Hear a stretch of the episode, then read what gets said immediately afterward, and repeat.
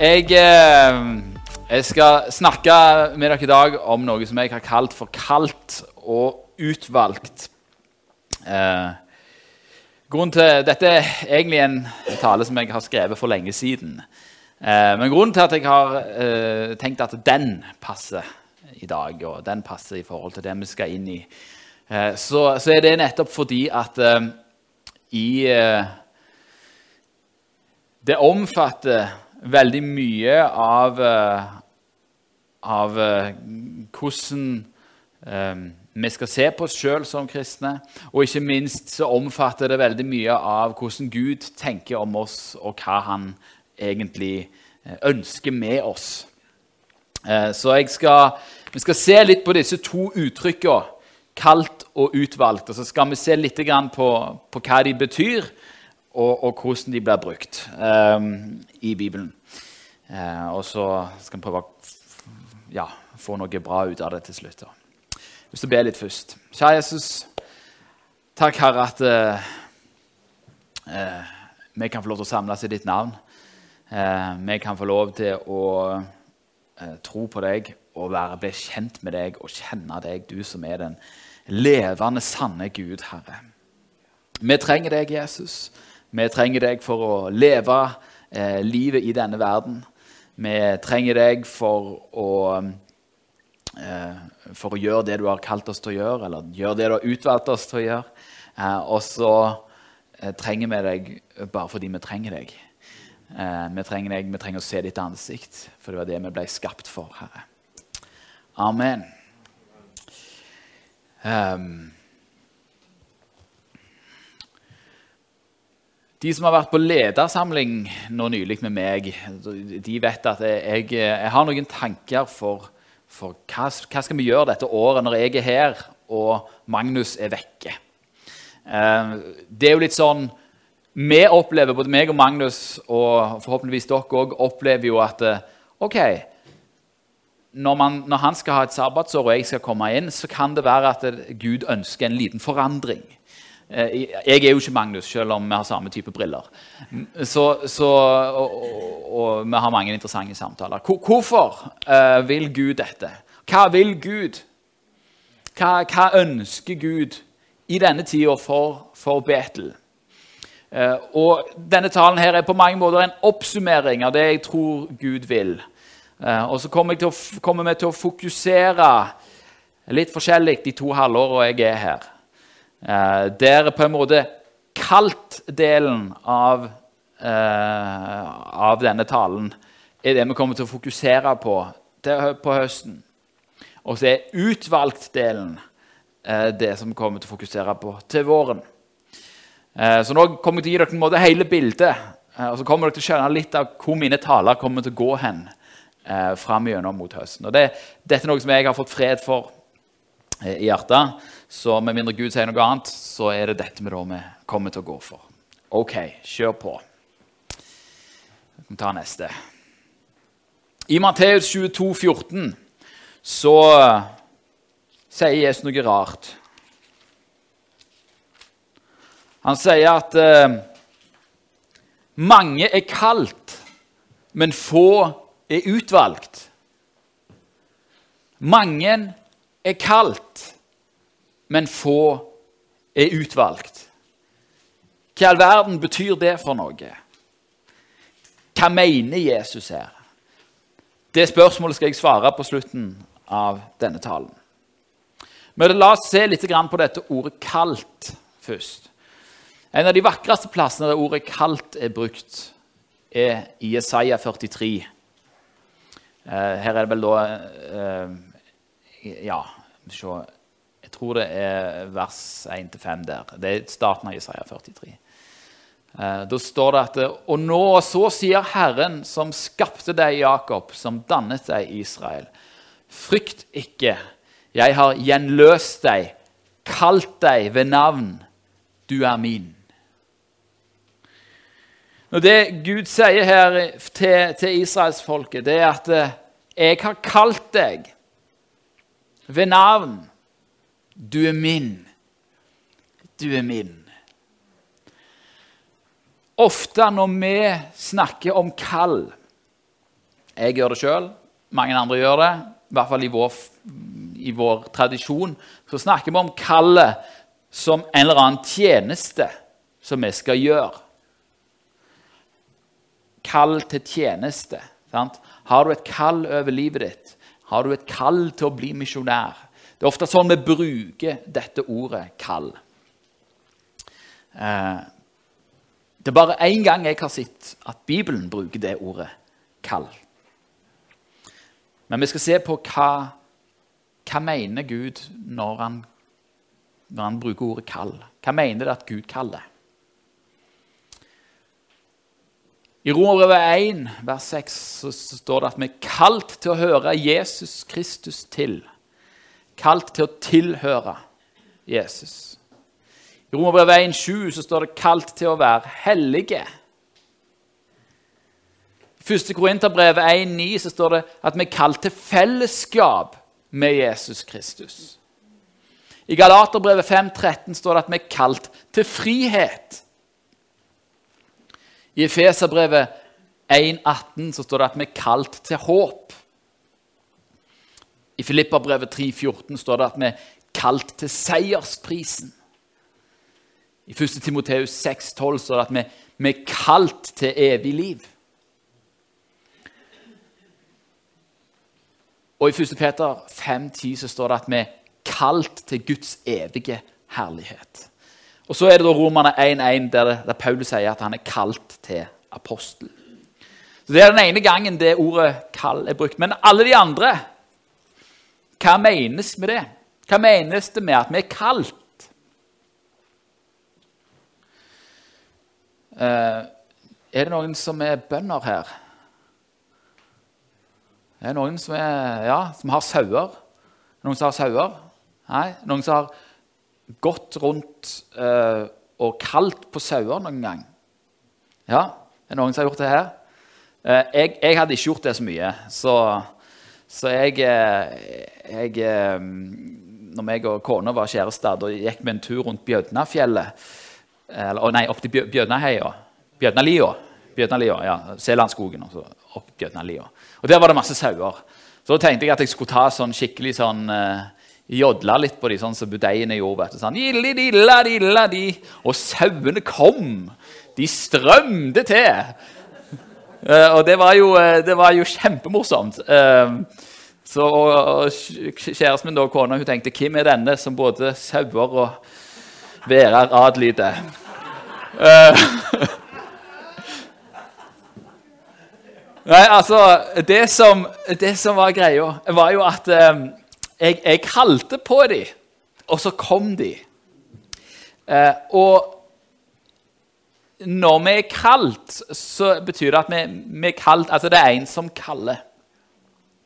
Det er en som kaller. Det er en som kaller på deg til å høre Jesus Kristus til.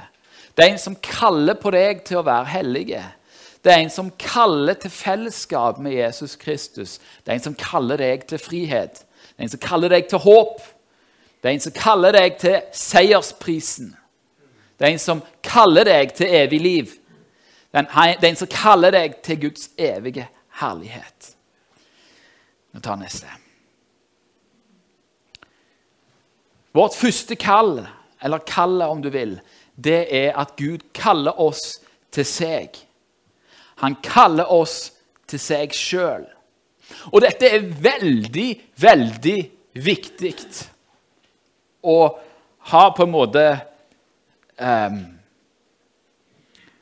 Ha som fundament i livet. At Gud kaller oss til seg. Det første som skjedde når Adam og Eva synda i Edens hage, er at de hører at Gud går. Og så står det at da kalte Herren Gud på Adam, og så sa til han, 'Hvor er du?' Gud er en oppsøkende Gud. Han er en oppsøkende Gud. Han kaller, han roper. Og han kaller på deg. Han roper til deg.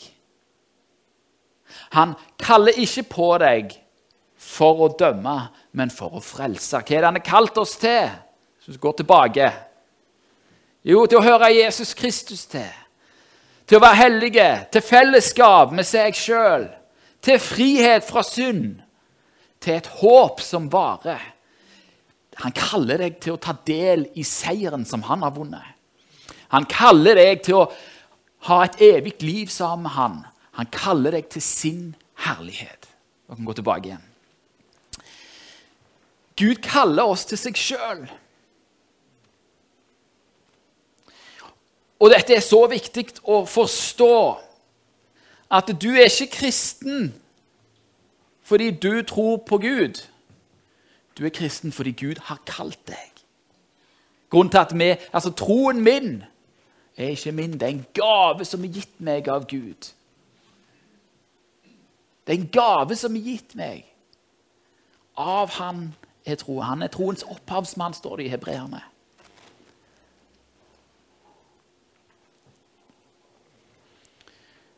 Og Dette er så viktig å skjønne. Og Dette tok, dette tok en del år før jeg skjønte. Jeg husker jeg var i 20-åra. Og jeg eh, hadde masse ting jeg ønska å gjøre. Sant? Vi ønsker å gjøre ting for Gud. Vi ønsker å gjøre ting for Han. Sant? Og En 20-årings store spørsmål er jo ofte Herre, hva vil du jeg skal gjøre for deg, eller gjør med deg? Og Det eneste svaret som jeg fikk av Gud, og det irriterte meg hver eneste gang, det var at han sa, 'Jeg vil at du skal være med meg.' Jeg vil at du skal være med meg.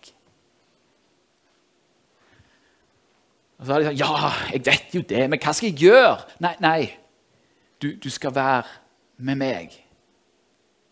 Fordi det vi må skjønne, og skjønne helt her inne, og det er at det, det å være med Gud, det er meninga med livet. Det er hensikten vi ble skapt for. Du ble skapt for å være med Gud. Når vi kommer til himmelen, så er det ikke snakk om hva vi skal gjøre. Det er snakk om hvem vi skal være med. Det er fest, det er, brud, det er bryllup, det, det er party, og så skal vi være en evighet med Gud. Guds spørsmål til Adam var 'Hvor er du?' Hvor er du? Til Israel sa han, 'Jeg har kalt deg ved navn.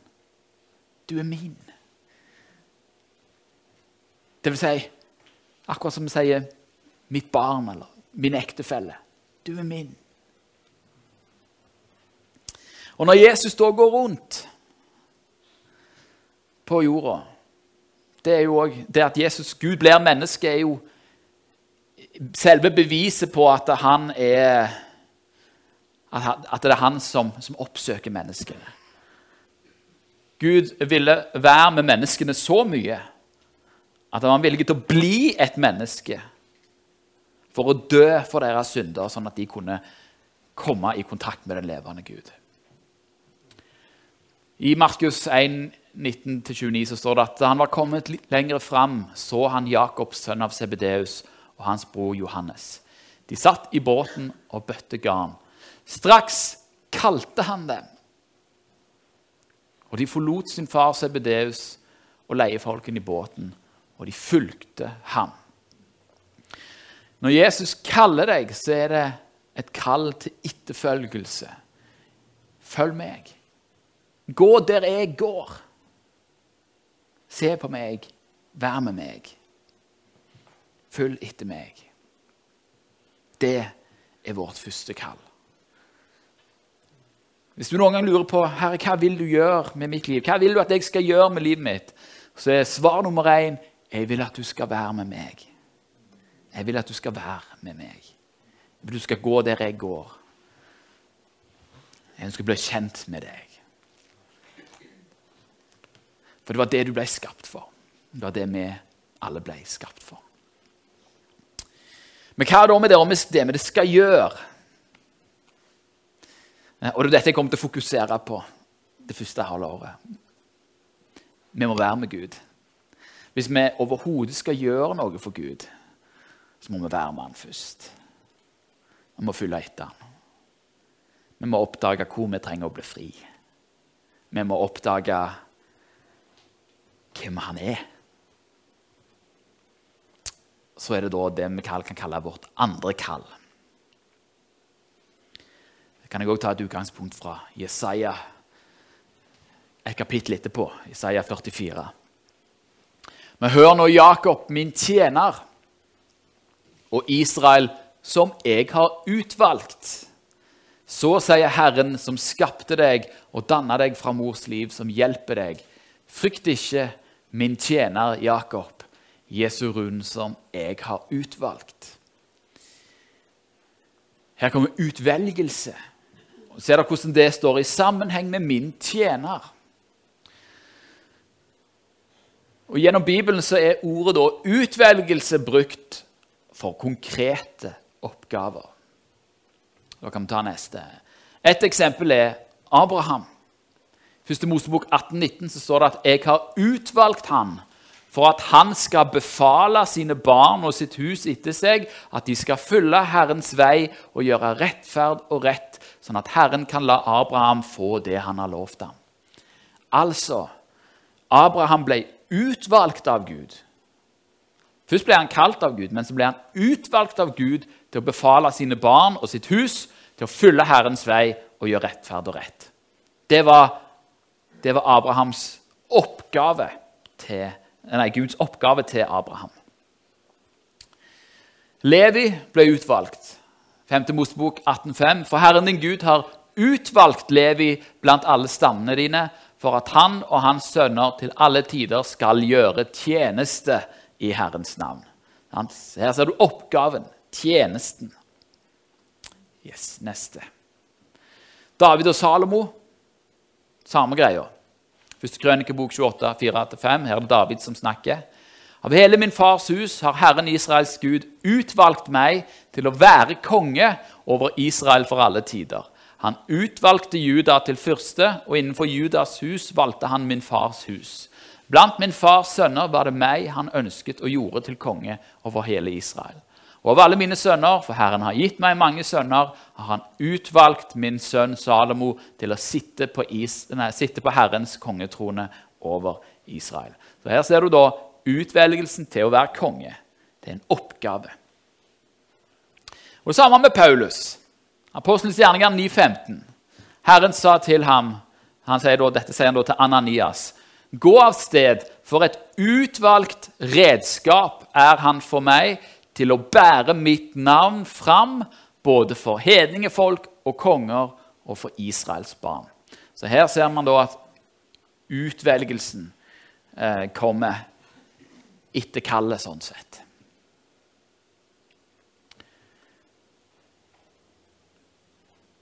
Når Jesus han sier noe til disiplene om utvelgelse Han sier at eh, dere har ikke utvalgt meg, men jeg har utvalgt dere og bestemt dere til å gå ut og bære frukt.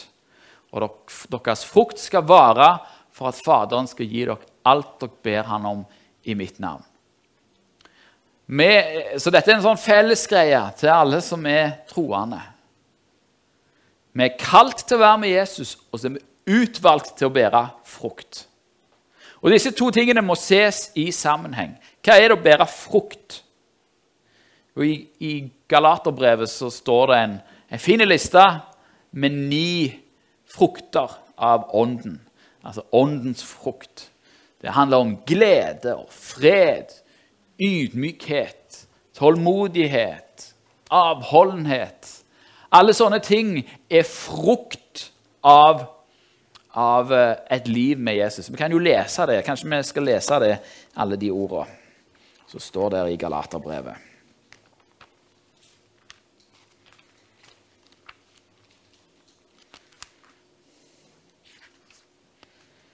Det kan være greit å minne seg på dem fra tid til annen.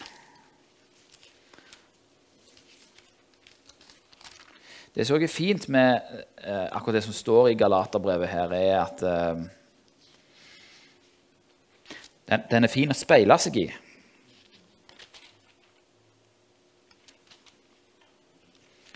Skal vi se Åndens frukt, ja. Det står vel i Ja. Galaterbrev 5, eh, vers 22. Altså Åndens frukt er kjærlighet, glede, fred, langmodighet, dvs. Si tålmodighet over veldig lang tid.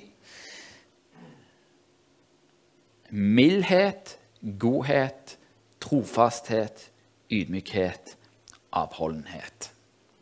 Eller selvbeherskelse, står det med. Avhold, er òg en, en forståelse av det ordet. Så alle disse egenskapene er det vi er utvalgt til å gjøre.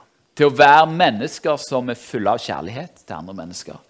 Som er fulle av glede og fred. Og som eh, er tålmodige med folk. Og milde og gode.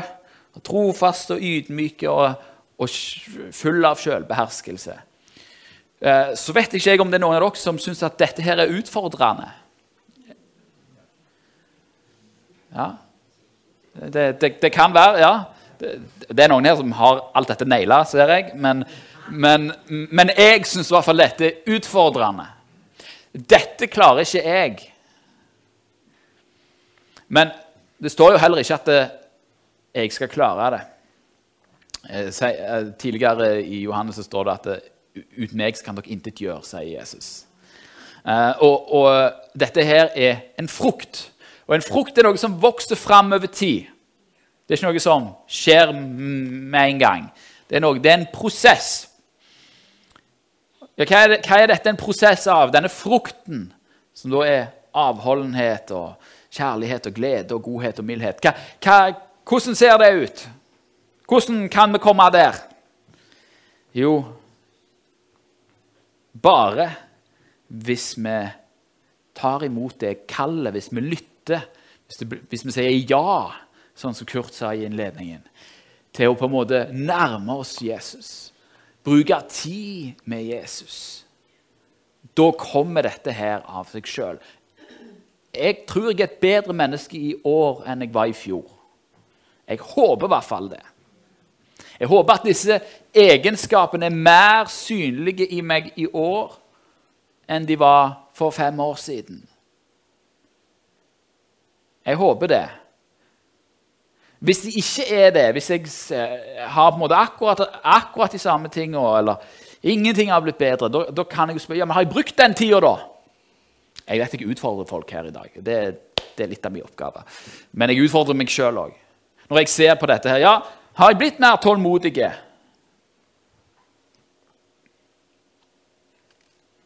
Jeg er mer glad i folk.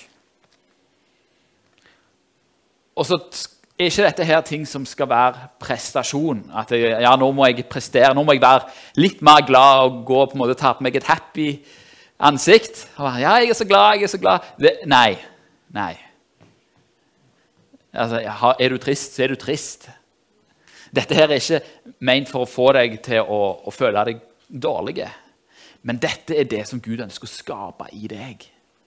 Og det er bare, det er bare én måte du kan få dette i livet det er hvis du er med Jesus, og han får vise deg hvem han er. Og han får vise deg hvem du er. Det er der det skjer. Det er der det skjer. Fordi at det, Dessverre så er det ikke sånn at uh, når vi tar imot Jesus, så, så, forsvinner alt. Og så forsvinner alle måter vi tenker på. Jeg brukte mange år jeg, på, å, på å avsløre noen sånne løgntanker jeg hadde løgntanker som jeg trodde på, som ikke var fra Gud. Jeg var kristen hele livet, men det var fremdeles noen løgntanker som jeg trodde på. Men i møte med Jesus og i møte med livet og Fordi jeg tok det på alvor, så fikk Jesus en anledning til å snakke sannheten. Og sannheten skal sette dere Vi er kalt til frihet. Så det, det er i det det er i det forholdet at vi blir fri. Og da Da ser vi at eh, da blir vi sånne som er bestemt til å gå ut og bære frukt. Hvis du spør Jesus Hva skal jeg gjøre med livet mitt, da? Som jeg gjorde da jeg var 20. Så er det jo ja, Vær med meg. Gå ut og bær frukt. Det er de enkle svarene. Det er noe som gjelder alle kristne. Ja, neste. Hvordan skal vi da forstå dette som står i Matteus 22, 14? La oss, vi skal lese fra Matteus 22, 1-14.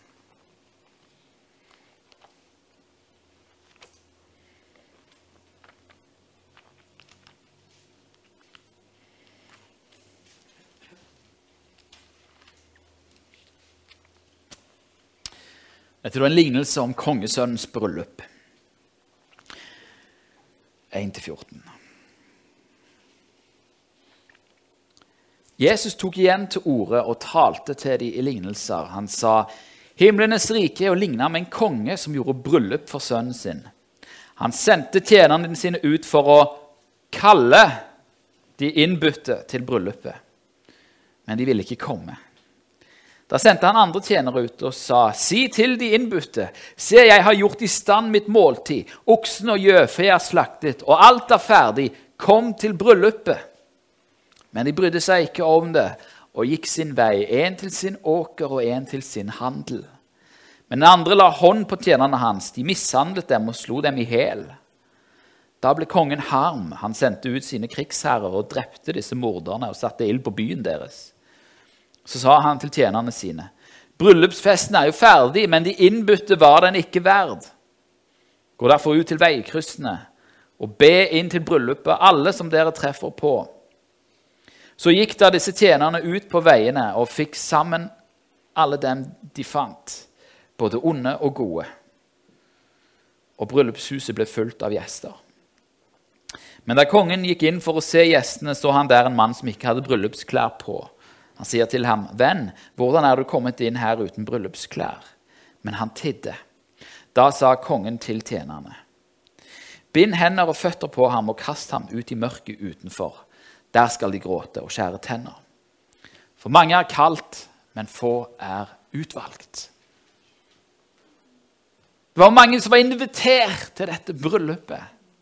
Faktisk er det sånn at hele verden er invitert til bryllupet.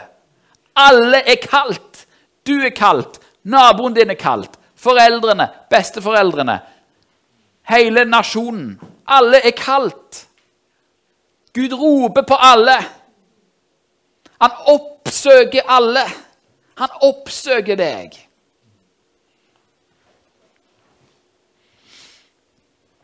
Men så var det noen ting som ble viktigere. Jeg har ikke tid til å komme i dette bryllupet, for jeg har en handel. Jeg har eh, handel, jeg har en åker, jeg har jobb, med andre ord. Og Det var så mye viktigere at jeg hadde ikke tid til å komme til dette bryllupet. Og andre ble provoserte av uh, invitasjonen, så de slo tjenerne i hæl. Mange vil ikke høre at de er kalt. Eller de responderer ikke på det. Hvem er da de utvalgte? Og de utvalgte de som tar imot kallet. Det er de utvalgte. Alle er kalt. Mange er kalt. Få er utvalgt. Få er de som tar imot, som sier ja. Jeg kommer. Jeg kommer i det bryllupet. Og så ser man også Det så herlig at eh, Huset ble fullt da, både av, både av onde og gode. Av onde og gode. Det skal ikke bare være gode folk i himmelen. Nei. Jeg er ikke god i meg sjøl, jeg. Men jeg har tatt imot kallet. Invitasjonen.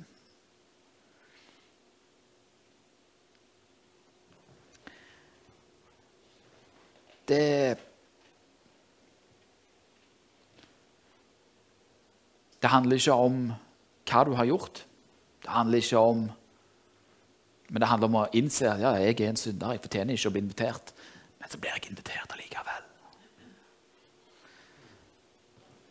For når Jesus døde på korset, så døde han for alle mennesker. Alle som vil, kan få lov til å komme. Du kan få lov til å komme.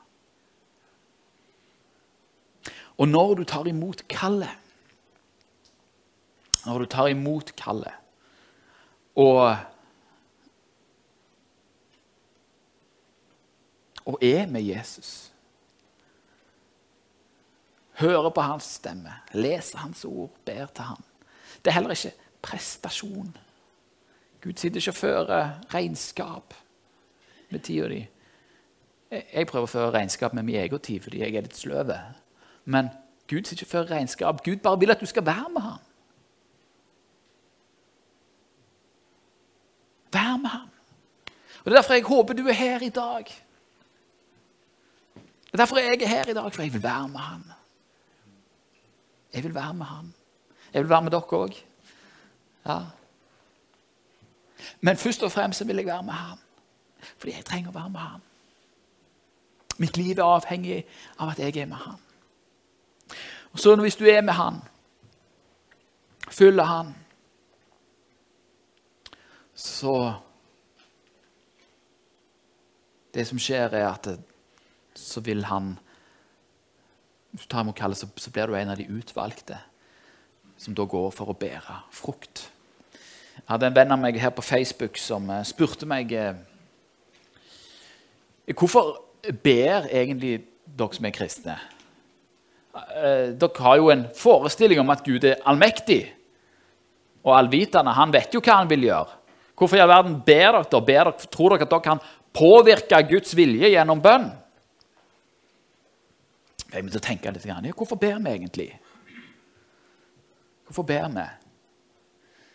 Hvorfor uh, forkynner vi? Hvorfor gjør vi alt dette? Gud vet jo all, om alt på forhånd. Og så er det sånn at uh, Gud han vil ha både i pose og sekk. Han er en sånn pose og sekk-Gud. Han har all makt, men hans all makt og hans allvitenhet den kommer til syne gjennom våre frie valg. For så stor er hans allmakt. Han har bedt oss om å be. Sant? Jesus har sagt at når dere ber? Han vil vi skal be. Han vil vi skal be for folk. Hvorfor det? Jo, for Han vil at vi skal være en del av hans frelsesverk. Både det å ta imot det, men òg i det å gi det videre. Så vi får både lov til å ta imot, og så får vi lov til å gi. Vi får lov til å puste inn, og så får vi lov til å puste ut.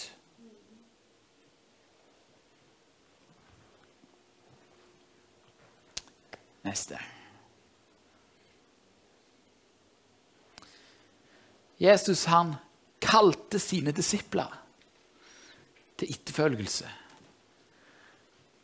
Og når han hadde stått opp igjen fra de døde, så utvalgte han sine apostler, sine utsendinger, og sendte de ut for å være hans vitner. I første Korinterbrev, vers 1, 26-30, nå står det noen sånne fantastiske ord. Sånne oppmuntrende ord.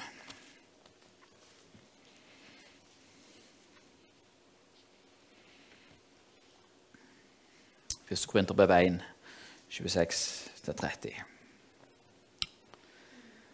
Brødre, legg merke til, og vi kan tilføye søstre Legg merke til det kall dere fikk. Ikke mange vise etter skjøtet ble kalt. Ikke mange mektige, ikke mange av høy ett. Men det dåraktige i verden, det utvalgte Gud seg for å gjøre de vise til skamme. Og det som er svakt i verden, det utvalgte Gud seg for å gjøre det sterkere til skamme. Det som er lågt i verden, og det som er forakta, det utvalgte Gud seg, det som ingenting er, for å gjøre til intet det som er noe, for at intet kjød skal rose seg for Gud. For det er Hans verk at dere er i Kristus Jesus, Han som for oss er blitt visdom fra Gud, rettferdighet og helliggjørelse og forløsning. Av ham, ved ham og til ham er alle ting. Hva er mitt kall? Er du kalt til å være med Gud? Til å finne Gud? Til å åpne hele ditt hjerte opp for Gud? Når Jesus skal oppsummere loven og profetene, så sier han Du skal elske Herren din Gud av hele din sjel, av all din makt, av all din forstand av hele din kraft. Av hele deg. Du skal elske Herren din Gud. Det er det første budet. Alt begynner der. Alt begynner med å ta imot den kjærligheten som Jesus har gitt, og elske ham tilbake. Det er vi kalt til. Og så er det det andre budet som er like stort, fordi det følger av det første. Det at du skal elske de neste som deg sjøl. Der ligger kallet, og der ligger utvelgelsen. Du er kalt til å elske Gud, og så er du utvalgt til å elske dine nærmeste. Elske dine kolleger, elske dine familiemedlemmer. Og det er jo ikke alltid lett å elske de rundt seg. Men det går hvis vi har forstått hvor høyt vi sjøl er elska av Gud. Så her ligger disse to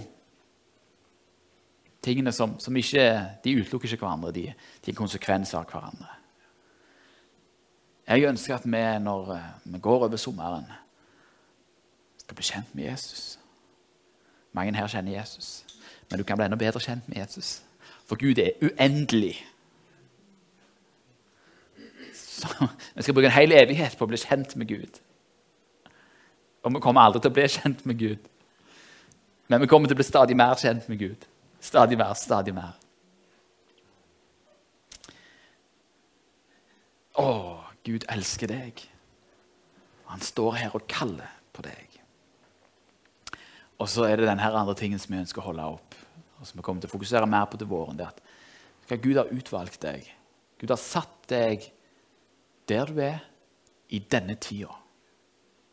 På denne tida, eller i denne tida, på dette stedet, har Gud satt deg. Og han har ikke satt deg der på slump. Han har satt deg der for en hensikt. Første hensikt for at du skal gå ut og bære frukt. Og så kan det være at Gud da utvelger deg til noe spesielt. Sånn som jeg opplever at jeg har blitt utvalgt til å være her et år. Eh, det var ikke noe jeg planla. Det var noe som Det må ha vært Magnus som planla det, men jeg tror Gud hadde en finger med i spillet. Uh, og, og, så er det ikke sikkert din utvelgelse betyr å stå på en scene. Det er ikke poenget i seg sjøl. Det var mange slags utvelgelser i Det gamle testamentet.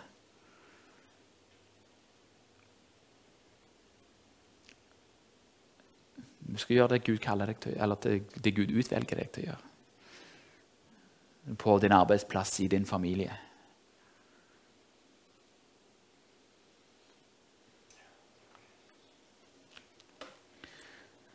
Skal vi be sammen?